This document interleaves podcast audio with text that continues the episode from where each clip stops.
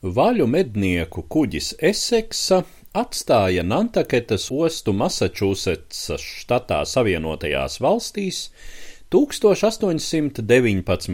gadā, dodoties divus ar pusi gadus ilgā kašalotu medību kuģojumā Klusā okeāna dienvidos.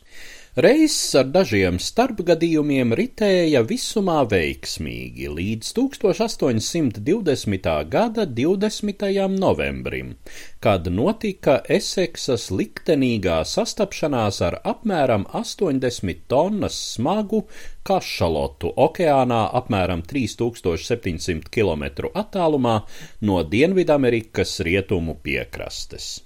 Kašalots visai negaidīti pietuvojās Eseksai un divas reizes ar visu spēku triecās pret kuģa priekšgalu. Apšūma plankas neizturēja, zem ūdens līmeņa radās sūce, kapteinis un komanda tikko paspēja sasēsties laivās, kad Eseksa jau pazuda okeāna viļņos. Nav īsti skaidrs, kas izraisīja dzīvnieka agresiju. Iespējams, tie bija āmura klaudzieni. Botsmanis tobrīd uz klāja laboja laivu. Pāris dienas jūrnieki pavadīja izzvejodami no ūdens visu, kas varēja noderēt pārtikai. Šie krājumi bija stipri trūcīgi, pie tam jūras ūdens bojāti. Vēl daudz nopietnāka problēma bija saldūdens trūkums, jau drīz vien jūrniekiem nācās remdēt slāpes ar pašu urīnu. Apmēram mēnesi pēc avārijas 20 vīri piestāja neapdzīvotajā Hendersona saliņā.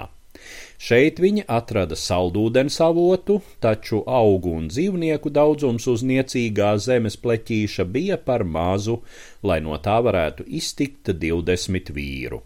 Pēc dažām dienām 17 kuģinieki atkal sēdās trijās laivās. Viņa acīm redzot nezināja, ka nepilnus 170 km uz rietumiem ir Pitkērna sala, taču Eseksas komanda nolēma kuģot uz austrumiem, cerot sasniegt Lieldienu salu. Tas neizdevās, un trīs laivas nonāca tuksnesīgajā klusā okeāna dienviddaļā, apmēram 3000 km attālumā no tuvākās cietzemes. Vētru laikā laivas pazaudēja cita citu. Viena no trīs laivām tā arī pazuda bez vēsts. Apmēram pēc mēneša okeānā jūrnieki cits pēc cita sāka mirt no bāda un slāpēm. Pirmos saskaņā ar tradīciju apbedīja jūrā, bet pēc tam biedri sāka izmantot aizgājēju miesas uzturā. Galu galā uz vienas no laivām tika pat izvilkta loze, kuram no jūrniekiem nāksies ziedot dzīvību, kalpojot par pārtiku atlikušajiem. Loze krita jaunam jūrniekam Ovenam Kofinam, un viņu patiešām nošāva un apēda. Apmēram trīs mēnešus pēc Eseksas avārijas izdzīvojušo laivas pamanīja divi dažādi vaļu zvejnieku kuģi.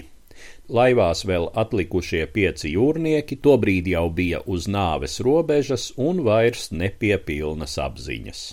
Vēlāk, atguvuši spriest spēju, viņi pastāstīja arī par Hendersona salā palikušajiem, un arī šos vīrus izglāba, arī jau uz bada nāves robežas.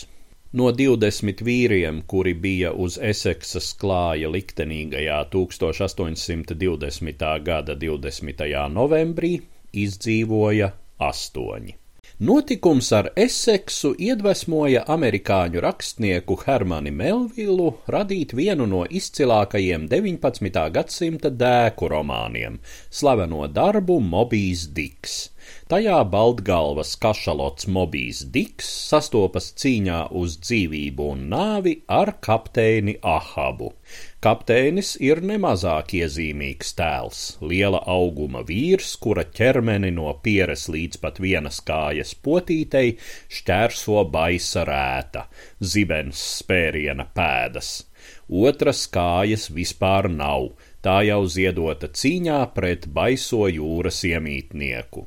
Kapteinis Ahabs ir apsēsts ar vēlmi nomedīt savu seno pretinieku un tāpēc trends nāves cīņā savus vīrus.